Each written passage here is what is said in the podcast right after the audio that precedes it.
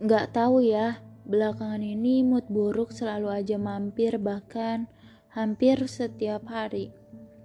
Rasanya kecewa sama beberapa situasi yang gak mau ngerti. Bahkan kecewa juga pada diri sendiri karena gak bisa mengatasinya.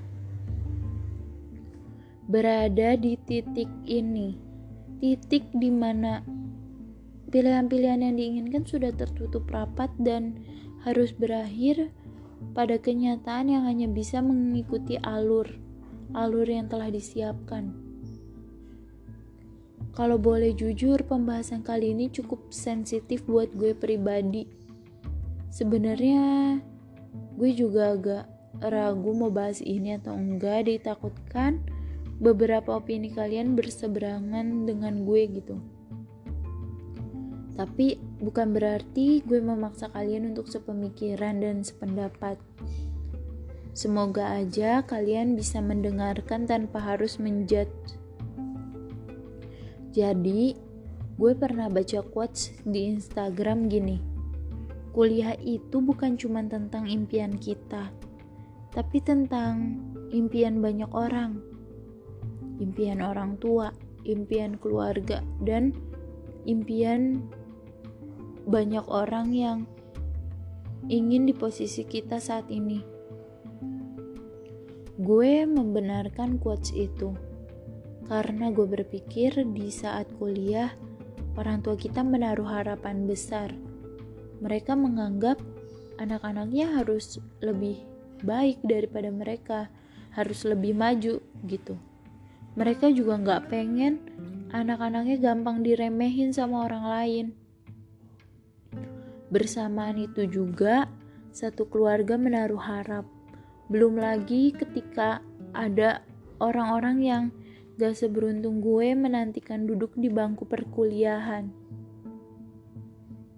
Sayangnya, sisi lain gue menolak akan hal itu. Gimana bisa jadi impian gue sendiri kalau ternyata apa yang gue rasain, apa yang gue jalanin, gak sesuai, gak selaras sama hati dan pikiran gue gitu. Berulang kali gue mencoba buat nerima, tetap aja semua itu kayak apa ya? Kalau boleh diibaratkan, semua ini seperti batu besar dan berat yang terikat kencang di badan gue gitu. Rasanya sesak terutama ketika gue memaksakan berjalan terlalu jauh ketika nggak punya pilihan lain selain menerima walau semua yang ada dalam diri menolak dan ketika terlalu takut buat mengatakan pada mereka yang sudah berharap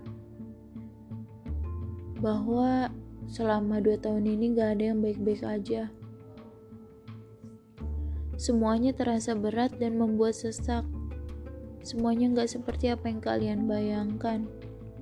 Gue juga takut buat mengatakan bahwa selama dua tahun ini masih banyak yang belum gue pahami. Selama dua tahun ini mungkin gue hanya buang-buang waktu dan uang.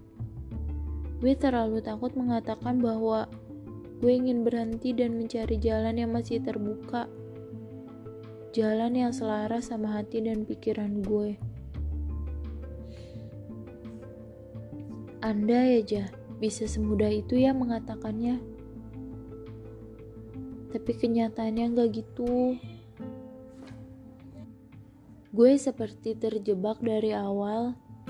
Gue mengambil jalan ini karena emang gak punya pilihan lain. Dan gue kira dengan memaksakan lambat laun akan terbiasa gue akan baik-baik aja. Ternyata enggak. Malah semakin lama semakin berat dan menyesakkan. Ditambah lagi takdir menjadikan Gue sebagai anak pertama yang punya tiga adik.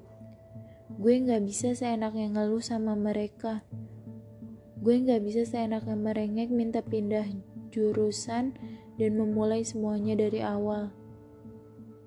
Kalaupun bisa, gue berpikir lagi, bukankah sebagai anak pertama yang mempunyai tiga adik itu sangat keterlaluan dan egois? Menyebalkan memang, Di mana gue harus berpura-pura supaya gak ada satupun dari mereka tahu apa yang gue rasain. Entah ini sebuah keberuntungan atau enggak, tapi ada satu hal yang buat gue bersyukur di saat-saat seperti ini. Di mana orang tua gue gak pernah bertanya, Kak, gimana kuliahnya? Kak, baik-baik aja kan? Gue bersyukur karena karena gue gak perlu menyiapkan jawaban yang membuat gue berbohong pada mereka. Mungkin salah satu atau banyaknya dari kalian menganggap hal ini adalah sepele, atau bahkan menyalahkan gue. Lagian sih, lu kenapa sih ngambil jalan itu? Atau, ya elah, kayak gitu doang lebay banget sih. Tinggal jalanin aja, tinggal syukurin. Emang sebegitu beratnya ya? Sampai-sampai gak bersyukur banget. Udah untung masih bisa kuliah masih bisa dibiayain sama orang tua. Atau ya elah tinggal pindah aja sih susah banget. Emang harus ya segala pakai kon bikin konten kayak gini di podcast.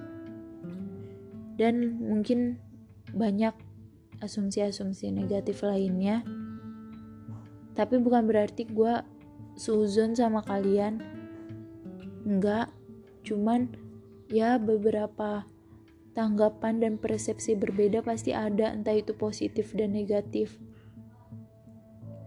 Kalau menurut gue sih setiap orang punya ukuran masalahnya sendiri.